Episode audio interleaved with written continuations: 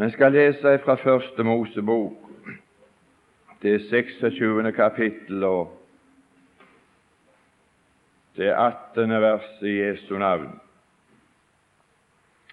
Og Isak gravde opp igjen de brønner som de hadde gravd i Abrahams, hans fars dager, og som filistrene hadde kastet til efter Abrahams død.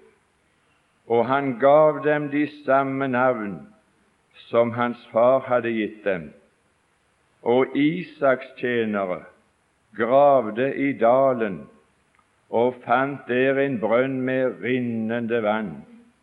Men hyrdene fra Gerhar trettet med Isaks hyrder og sa:" Vannet hører oss til. Og han kalte brønnen Esek strid, fordi de stredes med ham. Siden gravde de en annen brønn, og den trettet de også om, og han kalte den Sitna fiendskap. Så brøt han opp derfra og gravde ennå en brønn.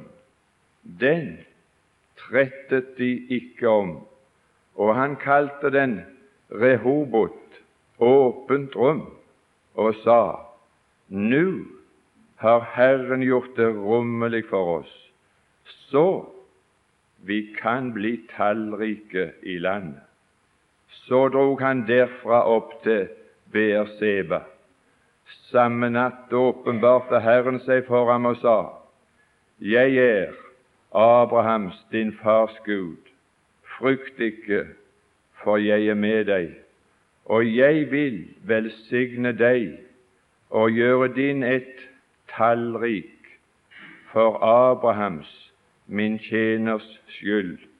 Der bygget han en alter og påkalte Herrens navn, og han slo opp sitt telt der, og Isaks tjenere gravde der en brønn. Herre Jesus, vi er samla i ditt dyrebare navn, og vi er samla her i takknemlighet. Vi er samla her i forventning. Vi er samla her for at du skulle gi oss noe av ditt rike forrådskammer. Og du ser, Herre, når de har samla seg her, ifra fjernt og ned, så er det mange som samler seg her for med håp og forventning om å få en veiledning. Og vi har bare deg å be om ved Den hellige ånd. Du har sagt at Den hellige ånd skal veilede oss, så ingen som hører deg til, skulle være nødvendig å fare vill på veien. Herre, velsign timen for ditt navns skyld. Amen. Dette som vi nå har lest, det er noe av det som historien beretter hva Isak opplevde i filistrenes land. Har, når han hadde dratt til denne delen av løftets land Vi kan ikke repetere noe, for det er så forferdelig lett å, å miste tid. Men eh, det som var som denne historien forteller om Isak under hans opphold her, på dette området i løftets land, det er tidsaktuelt. Det er tidsbetont.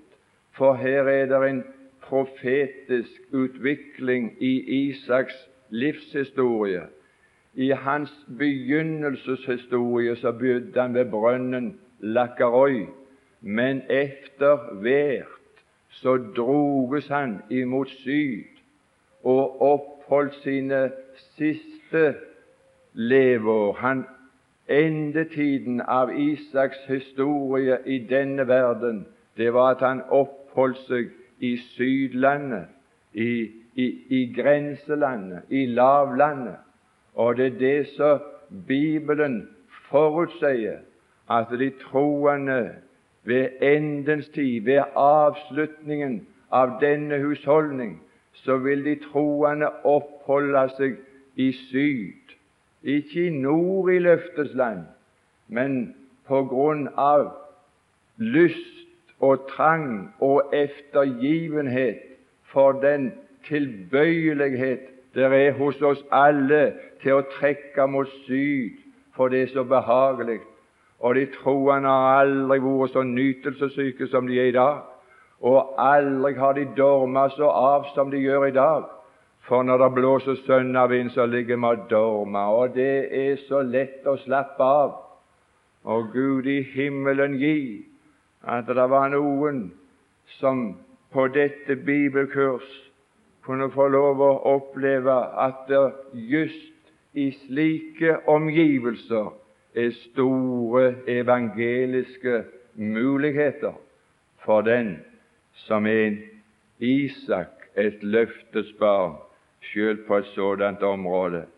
Og Det som var hans oppgave, det var det at han ble motarbeidet, og den måten han ble motarbeidet på, det at de gravde igjen de brønnene som var hemmeligheten til hans velsignelse, hemmeligheten til at det, at det lykkedes for ham i hans tjeneste. I hans, det han gjorde, det, det fikk han frukt av.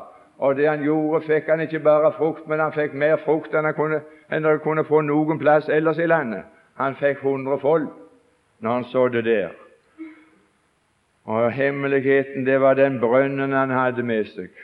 Og Derfor så begynte filistrene å fylle igjen brønnene.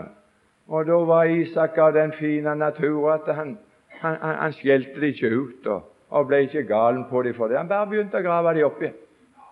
Og man måtte, man måtte altså ikke gjengjelde vondt med vondt.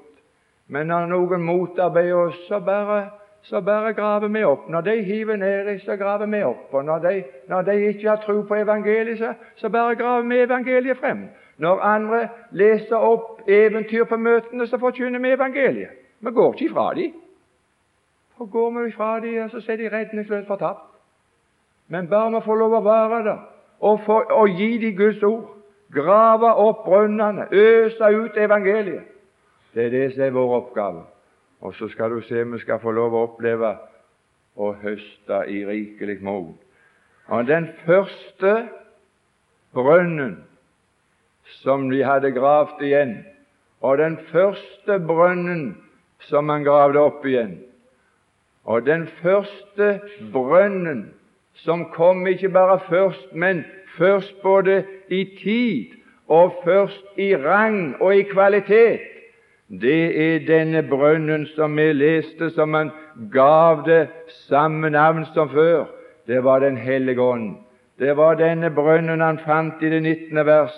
Han fant en brønn med rinnende vann. Og brønnen med rinnende vann. Om noen tørster, sa Jesus, så skal han komme til meg og drikke. Og det vann jeg vil gi ham, det blir i ham. Og det blir i ham, ikke bare som en, som en sånn kum som vi hadde vannkum før vi fikk vannverk på Karmøy. Så lagde han far en kum som han samlet opp rennevann i. Og var det mye nedbør, så var han full, og ble det en sommerens tørke, så gikk han tårer. Nei da, det er ikke på den måten at vi skal samle noe opp i noen sisterne, eller hva de kaller det for, og, og, og vann kom. Men det vann jeg gir alle troende, alle som er frelst, alle som er kommet inn i løftets land ved gjenfødelse, ved overgang gjennom Det røde hav, og ikke har gått omveien uten noen undergjerning i sitt liv. Du er jo frelst med et under. Og den som er frelst med et under, han har fått det levende vann som slukte hans tørst.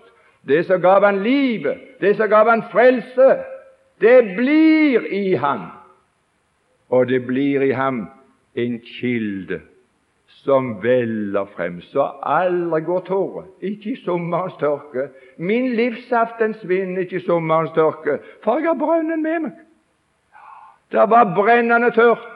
De som ikke var løftets barn, like som Isak, de var et ørkenområde. Men når Isak var der, så, så, så, så hadde han brønnen i seg. Å, du verden, du skal slippe å løpe hit og dit. Det vann jeg vil gi, det blir i ham. Ikke, ikke en kum som du, du bruker opp, men i oppkommet. Det veller frem hele veien. Men når du forkynner slike sannheter, så blir det strid. Derfor kaltes denne brønnen strid. Strid. De tretter med en slik snabb. Når du gir Den hellige ånd det navnet at han vil bli hos deg, ja, da, de, da, da, da strides de. Og nei, du, du, må ikke være så sikker på det. Jo, det er jeg ganske sikker på. For når Jesus sa at når jeg slukte min tørst av det han ville gi meg, så skulle det bli i meg. Og når det skulle bli i meg, så skulle det bli i meg som en kilde, en oppkomme, som skulle velle fram med evig liv. Det er velsigna sannhet. Og det første det første han gjorde når han hadde fått gravd opp igjen denne brønnen som de andre hadde gravd til, så gav han han navn. Men han gav han det samme navn. Han gav dem de samme navn. Det er det det står strid om i våre dager. Det, det, er om vi skal gi dem de samme navn som før. Om Den hellige ånd skal få det samme navn som vi har hatt før. Vet du hva vi skal lese for det? Ja, Det er interessant å være på bibelkurs, hvis det er bibelkurs. Det går an å ha, det går an å ha rammer, kostbare rammer, om et bilde som det ikke er, som ikke er verdi i. Jeg håper det at det ikke er rammer som er det viktigste. Det er fint lokale, fine titler, fint program, flott trykt program, bibelkurs, flotte trykksaker, flott arrangement på alle slags vis. Stort, svære rammer. Tenk om vi har bare rammer, ikke innhold. Nei, bibelkurs, det er ikke rammer, det, det var innhold. Hvorledes er det et bilde som har ei ramme? Det er vel ikke en reproduksjon vi holder på med? En reproduksjon den er lett å fremstille. Det foregår med en teknisk prosess, så har du det der. Så kan du mangfoldiggjøre det. Det er lette saker. Men å lage et bilde og forkynne evangeliet, bibelkurs, det er slik som Paulus gjorde det. Jeg malte. Det er å være kunstmaler. Så setter du en klatt her, og så setter du en klatt der. Det ser litt rart ut til å begynne med. Men hvis han kan male, han som maler, så ser du bildet til slutt. Jeg malte Kristus for eders øyne. Jeg håper du har et maleri på dette bibelkurs, at det ikke er ramma du er begeistret Å, for ei flott ramme! Å, for et bilde du malte av Kristus for våre øyne, for våre øyne og for våre ører. Det første navnet Nei, femte Mosebok. Femte Mosebok, det 32. kapittel og det 17. vers. Det er et særtrekk i vår tid. Guder i flertall. Guder de ikke kjenner. Nye og nyss oppkomne. Nye navn, nyss oppkomne, nye bevegelser, nytt kjennskap, nye åpenbarelser, nye syner, Gud har vist meg. Jeg har syner ifra Gud, nyss oppkommet. Hva er det det forteller oss? Det er guder. Det er ikke Gud. Det er guder. Det er fremmede, forvirrende ånder. Pass, pass deg for det som er nytt. Pass deg for alt som er nytt. Vi skal grave opp igjen noe eldgammelt på dette bibelkurs. Femte Mosebok, 33. kapittel, det er 27. vers. Der står det hva det er vi bor i. Den eldgamle Gud er vår bolig. Han er ikke nyss oppkommet. Nei, han er ikke nyss oppkommet. Her har ikke noe nytt navn. Vi gir dem de samme navn som Abraham, de troendes far, gav brønnene. Du må passe deg for det som kommer opp i tiden.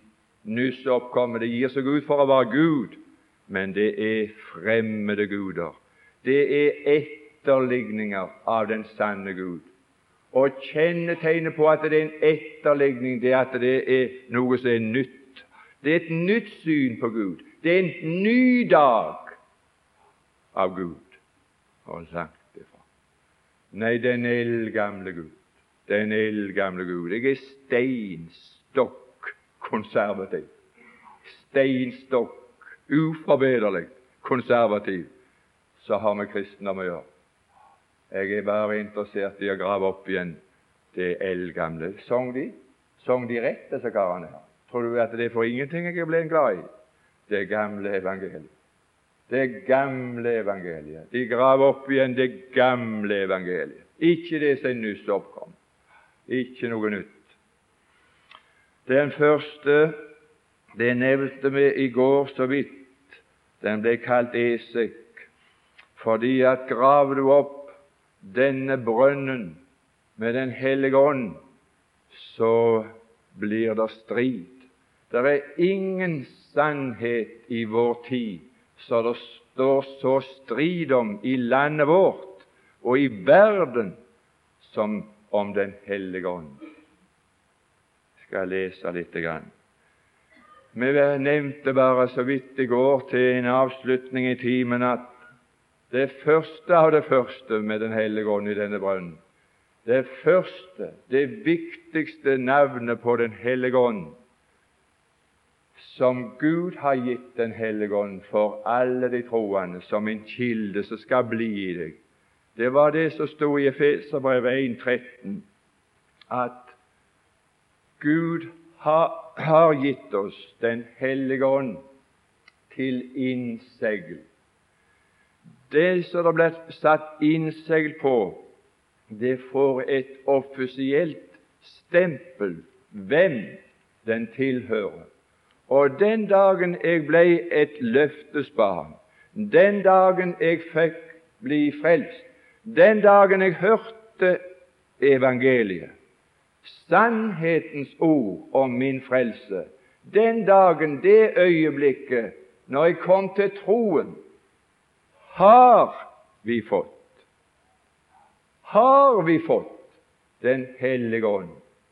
Og når vi har fått Den hellige ånd, så er det for det første, både i tid og i prioritet, i kvalitet, i hensikt Det er Guds første og største hensikt med Den hellige ånd.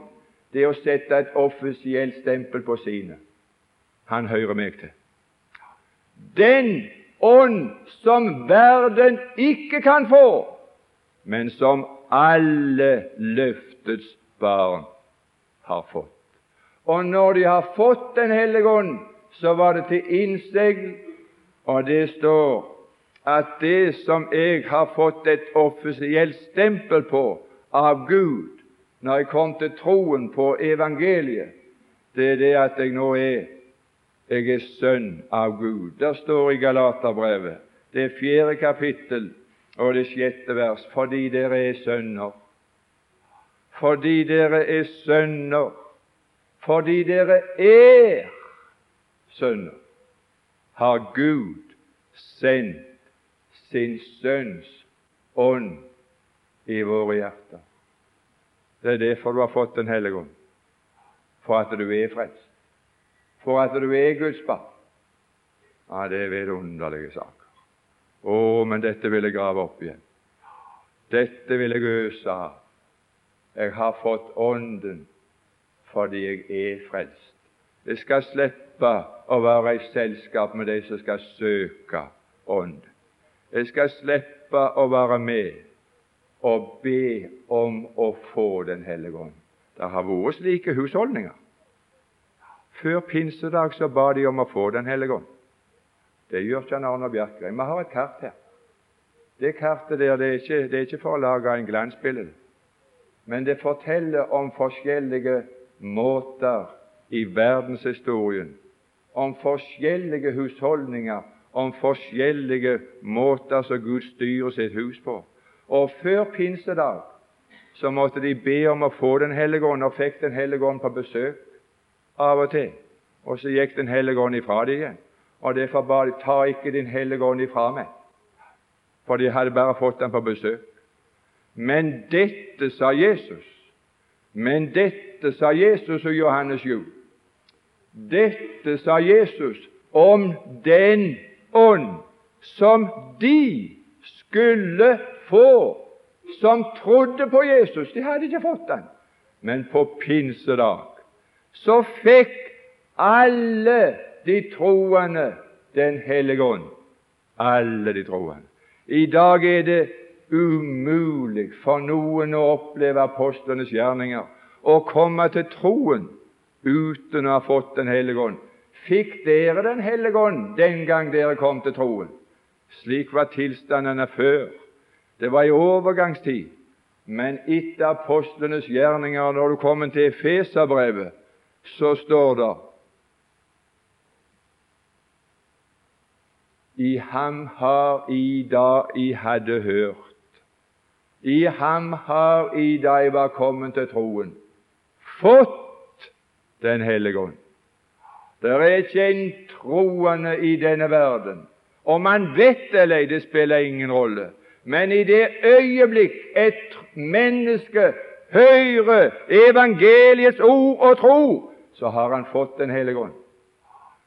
Og dermed har han fått guddommelig stempel på og et seil på. Han er på vei til himmelen. Den hellige ånd skal bli i ham, og aldri skal du være redd for at han skal forlate deg. Han skal ingenlunde forlate deg. En skal talsmannen, Den hellige ånd, som kommer, han skal bli hos deg en velsigna kilde for meg å øse av. Men jeg må få lov å gå videre, for det står i neste setning der i Efeserbrevet Jeg vil gi denne brønnen det samme navn, men det vekker samme strid. Å, du verden, jeg, jeg er forberedt å måtte forsvare meg, men jeg skal ikke kjempe. Jeg skal bare grave opp igjen hvis du graver det til.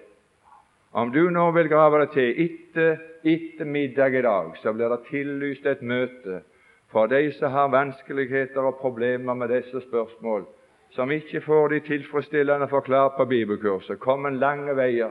Her blir et ekstramøte for de som er ekstra interessert, og samtale og spørre om sannheter i forbindelse med det som rører seg i vår tid i forbindelse med Den hellige ånd.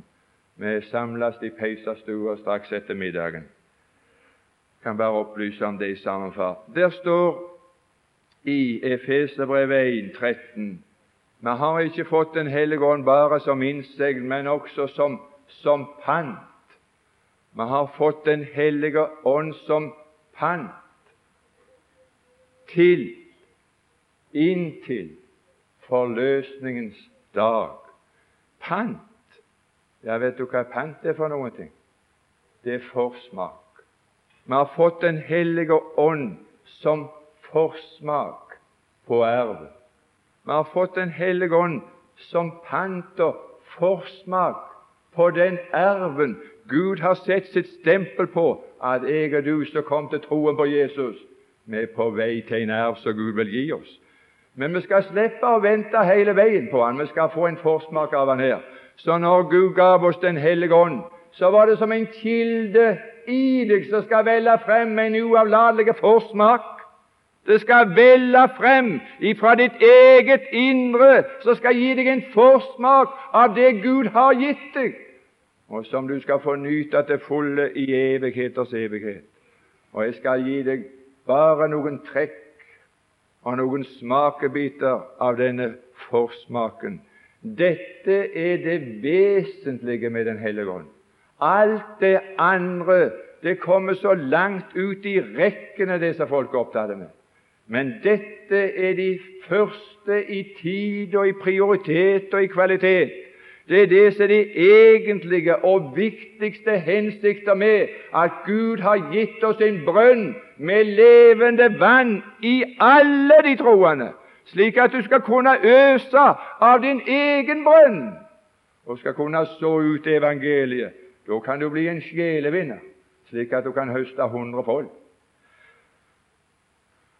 Jeg skal gi noe trekk av Den hellige ånd, hva hva jeg har opplevd forsmak på og du må notere det i et lyntempo hvis du skal få med noe av dette her. Der står det første Jeg vil ta det i kvalitet og i betydning. Det første jeg har forsmak av, det er det et uttrykk som står Den hellige ånd vitner. Vitner. Det er et juridisk, høytidelig ord som bare brukes i rettssaler. Og Når vitnene kalles inn i en rettssal, så er det for at den jury som ikke kjenner saken, de skal gjennom å høre på vitnene komme til sannhetserkjennelse og få vite hva som virkelig er sant. Et vitne må tale sant. Det må tale bare sant, og det må tale hele sannheten. Så har jeg ei oppkomme i meg som vitner for meg, bonden i edsform, avlagt ed for, for Gud. Det er Den hellige ånd. Så vitner for meg. Og når Den hellige ånd vitner, så står det i Hebreabrevet, det tiende kapittel, og det er i det femtende vers. Å, har du hørt på Åndens vitnesbyrd? Er du kommet til overbevisning? Du, Kjenner du sannheten som en følge av at du har hørt på troverdige vitner? Det vitner òg Den hellige ånd for oss. Hva tror du Den hellige ånd har det travelt å vitne for deg? Få deg til tro og tillit og stor Tror du det er noen kilde? Tror du det er noen filistere som har vært interessert i å fylle oppi med moll?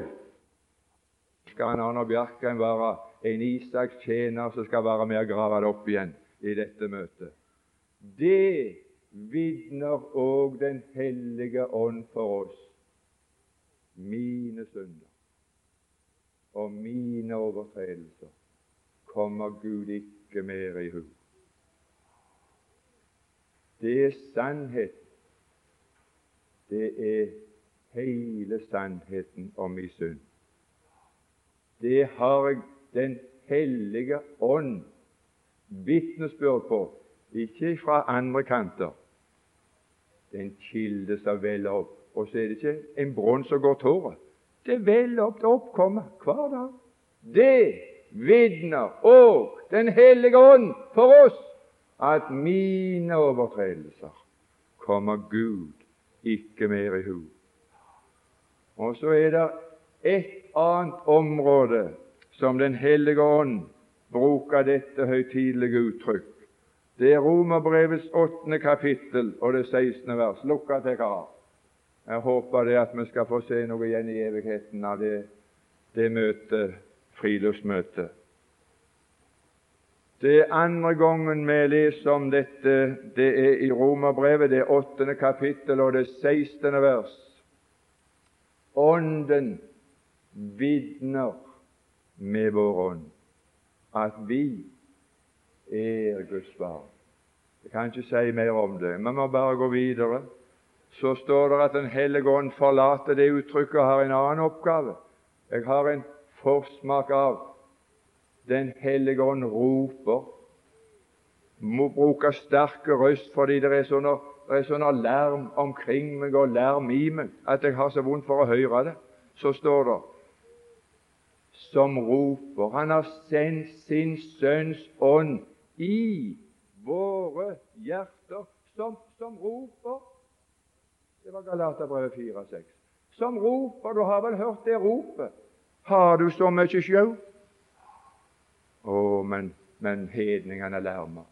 Og vi har fått så mye larm omkring oss, for vi er så nær hedningene.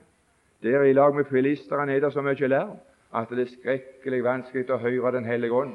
Men Den hellige ånd roper. Og det den roper, det er 'Abba, far'. Ja, det er nå én ting at Den hellige ånd roper 'Abba, far', men vet du hvorfor han roper? Det er som en mor som skal lære barna sine til å rope på samme måten. Og Så sier mor så sier hun 'mamma' først, og så sier babyen 'mamma'. Og så står det i Romerbrevet 8, det 15. vers, ved hvilke vi, ved hvilke vi roper 'Abba. Har han fått lært det? Har du hørt på Den hellige ånd når han roper? Har han fått lært det? Dette er den vesentligste oppgave med Den hellige ånd. Det var det som var den viktigste grunnen hvorfor Gud sendte Den hellige ånd i ditt hjerte. Det var for å lære deg opp til å kunne rope ved hvilke vi roper Abba, far. For vi har ikke fått trellekårets ånd, ved hvilket vi atter skulle frykte. Guds barn skulle slippe frukt. Ei god mor hun skulle ikke gi barna bare liv, men er det ei god mor, så er det hennes oppgave å gi barnet sånne trygge kår at barnet lever uten frukt og uten angst mens det er liten. Så god er Gud. Han har sørget for at vi har ei åndelig mor i vårt eget hjerte som ler oss opp, så vi slipper atter å frykte.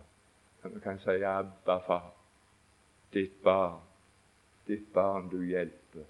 Ikke bør, men det må. Det er faderhjertet som omhu for oss har. Men det er et tredje uttrykk, det er Den hellige ånd sier. Da går han ned. Vitner, roper, sier. Hebreabrevet, det tredje kapittel, og det sjuende vers. Derfor, som Den hellige ånd sier Det er det viktigste, det som Den hellige ånd vitner. Og det er nest viktigst når Den hellige ånd går så drastisk til vers at han roper. Men det er også viktig om du hører når Den hellige ånd bare snakker vanlig. Han sier bare snakker. Om dette, sa Jesus, har jeg meget å si eder, men dere kan ikke tåle det nå. Men når sannhetens ånd kommer, så skal Han si eder alle ting. Han skal veilede eder til alle ting. Og det Den hellige ånd har å si til oss ifølge Hebreerbrevet 3, når Han snakker til oss, da er det noe om vår vandring i denne verden det kommer i tredje rekke. Første rekke er så viktig at du kommer til visshet og sikkerhet at Gud ikke kommer din synd i hu. Og det andre som er viktig, det er at Han får lære deg opp til i barnlig tillit og rope 'Abba, far'. Og når du har lært det Å, mi mor, hun ga meg liv. Og mens jeg var en baby, så gav hun meg trygge Hun lot meg hvile trygt ved mors bryst. Ja, står det i Salme 22. Du drog meg ut fra mors liv, og du lot meg hvile trygt ved mors bryst. Men det, jeg ble ikke varende der. Jeg kom på fanget. Så lenge jeg lå ved mors bryst, så gikk strømmen bare én vei. Det gikk ifra mors bryst og så til meg. Men når jeg kom til fanget, så hadde mor klart å lære meg opp og si 'mamma'. Og så begynte det å komme flere ord. Så begynte vi også å føre samtale med hverandre. Den hellige ånd sier noe til deg. Du snakker vel med Den hellige ånd? Du pleier vel samfunn med Den hellige ånd? Du er velkommen på fanget. Ja, det dette som er den egentlige hensikt med at Gud har gitt deg Den hellige ånd, for å oppdra deg, for å fortelle deg hvem du er, for å oppdra deg og løfte deg opp til det nivå som dine foreldre har. Du skal vandre verdig i, i den familie som du er født inn i. Ja, men han har mye å si oss. Attrå. Det er et annet uttrykk i forbindelse med Den hellige ånd. Attrå. Det står i Romerbrevet, det åttende kapittel og det sjette vers. Det er noen fine saker, og, og det er noen stygge saker. Ja, det er det.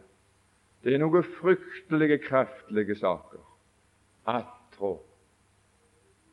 Kjødets attrå er grufulle greier. Men Åndens attrå er liv og fred. Å, så har jeg fått Den hellige ånd, som har gitt meg en forsmak på å ha lyst til liv og fred. En forsmak. Jeg har ikke bare den lysten, men jeg har en forsmak. Jeg skal få en dag så rikelig av den erven at jeg skal bare ha lyst. Tenk når jeg en gang skal leve uten muligheten av en syndig lyst. Men jeg har en forsmak. De som er etter Ånden, attrår det som hører Ånden til. Jeg har fått noe av den lysten. Jeg har fått noe av den frivillige, men det er bare en forsmak. Men en dag så skal jeg ta det i besittelse. Skal hele Arnold Bjerkreim bare ha lyst til liv og til fred av det som hører Gud til. Samfunn, det er det siste av dette. Det står i 2. Korintiabrev 13, 13. Og samfunn med Den hellige ånd. Når du gir Den hellige ånd dette navnet som her står, så blir det altså uenighet. Men her står det at når du graver dette opp igjen, så står det Den hellige ånds samfunn være med eder alle. Alle løftes barn. Det er ikke du som kalles til å pleie samfunn med Den hellige ånd. Men Gud kalte Den hellige ånd til å ta bo i ditt hjerte for å pleie samfunn med deg.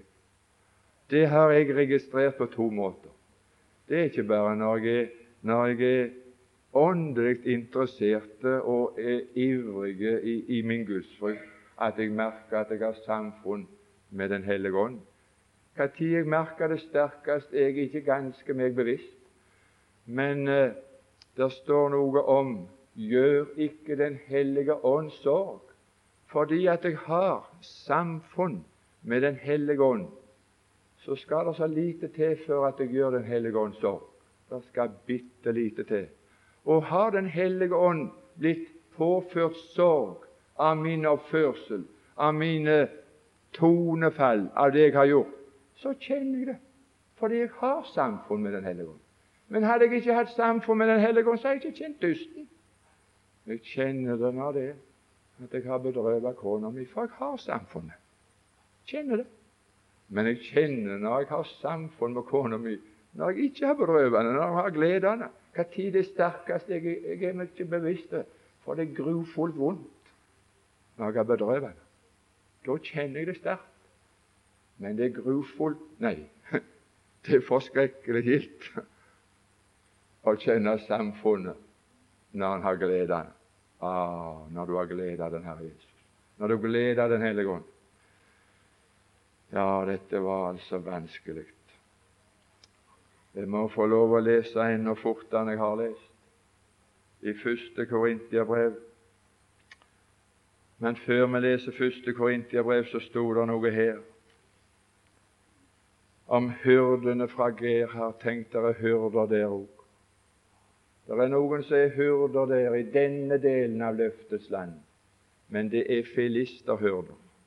Det er ugjenfødte mennesker som gir seg ut for å være hyrder, har hyrdetittel, slike som omskaper seg til lysets tjenere, men som ikke har opplevd gjenfødelsens under. Så det er to slags hyrder. Hyrdene der i grenseland, hyrdene i Gera, de 30 slektet med Isaks hyrder. Du, du, du, du, kan få vite at jeg har registrert det i mitt liv.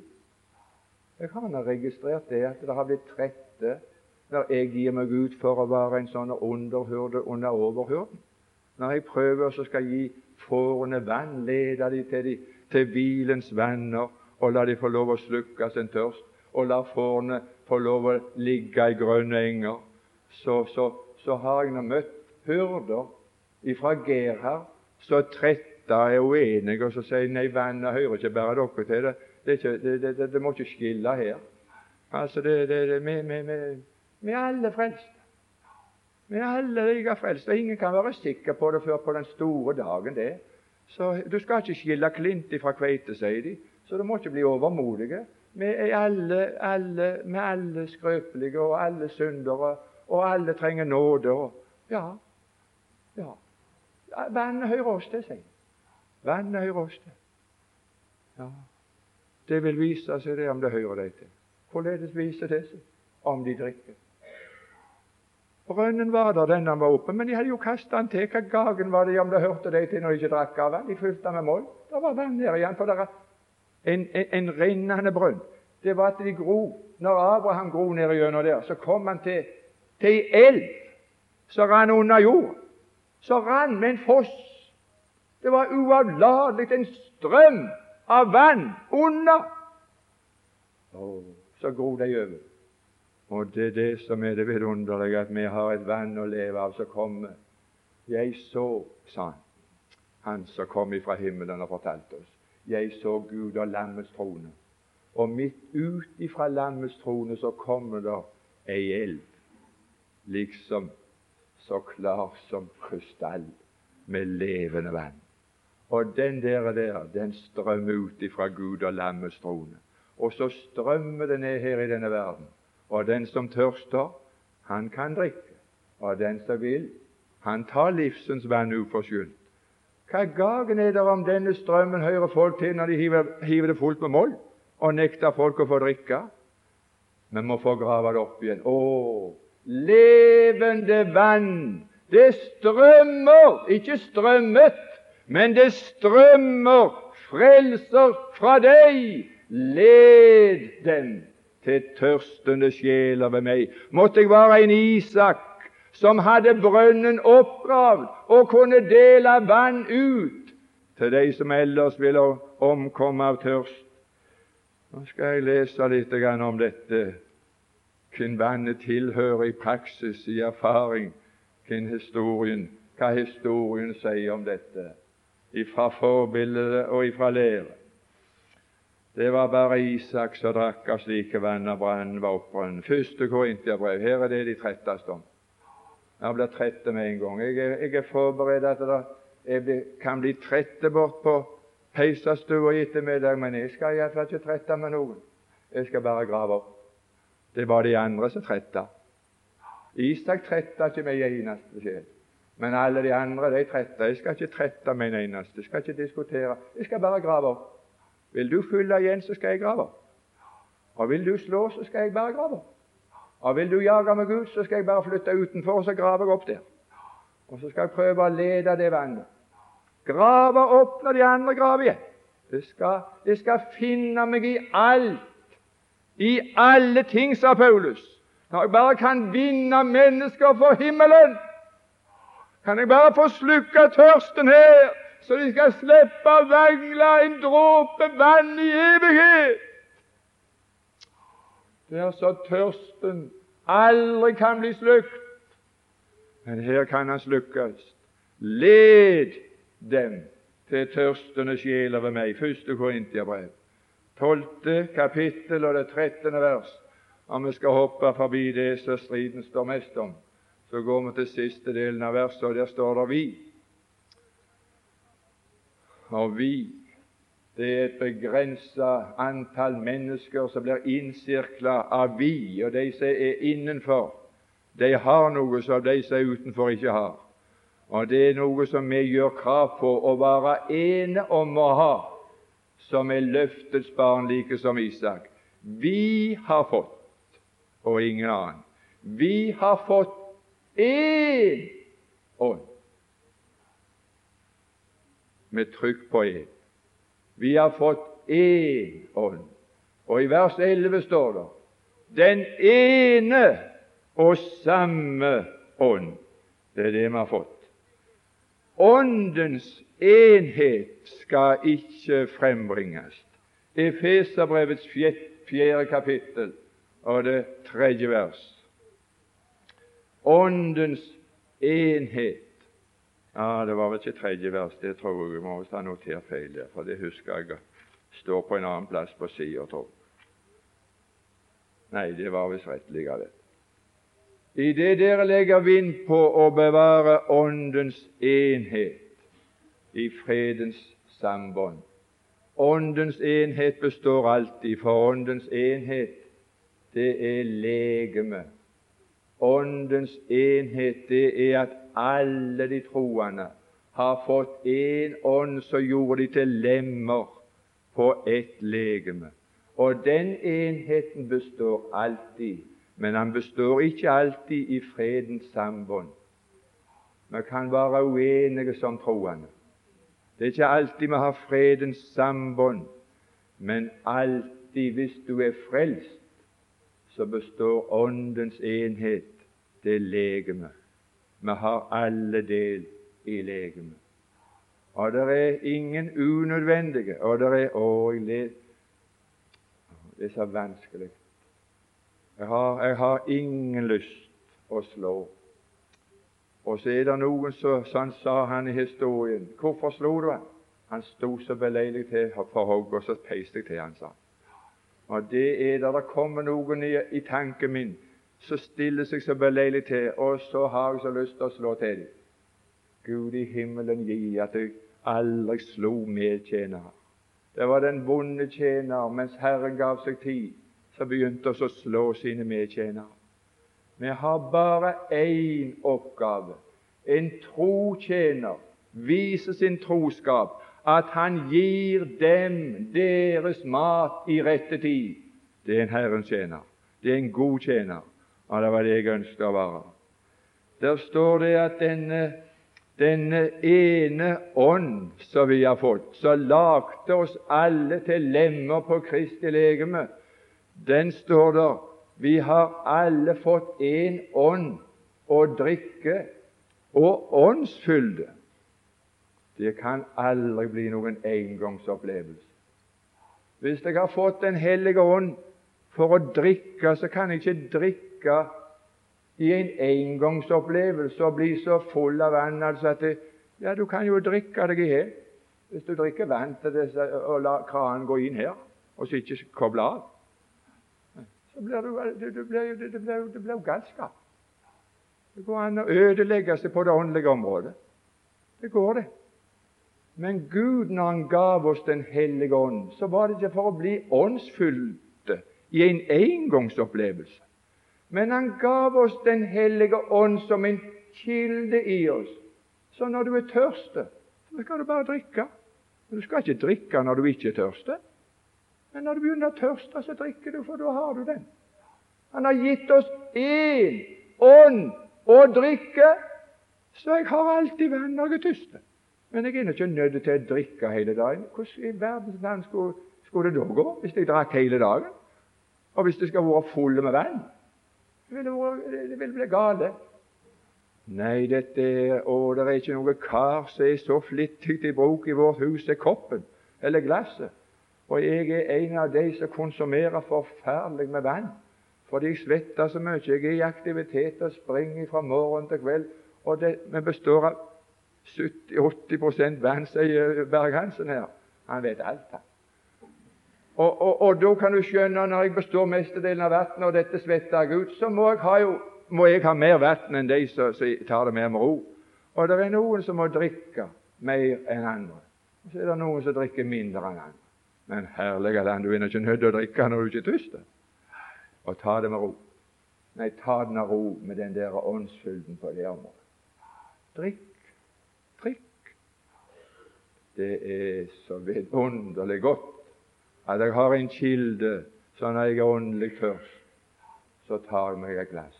Og, og så er det ikke vann som ligger oppi dagen, som er kvalme og varmt og vammelt og stillestående. Men det er levende vann ifra oppkom. Å, det er så sprudlende fritt. Å, det er leska. Det er leska. Å, men det var godt. Jeg ble ikke berusa. Det var vann. Jeg ble ikke opprømt. Hva var det du drakk?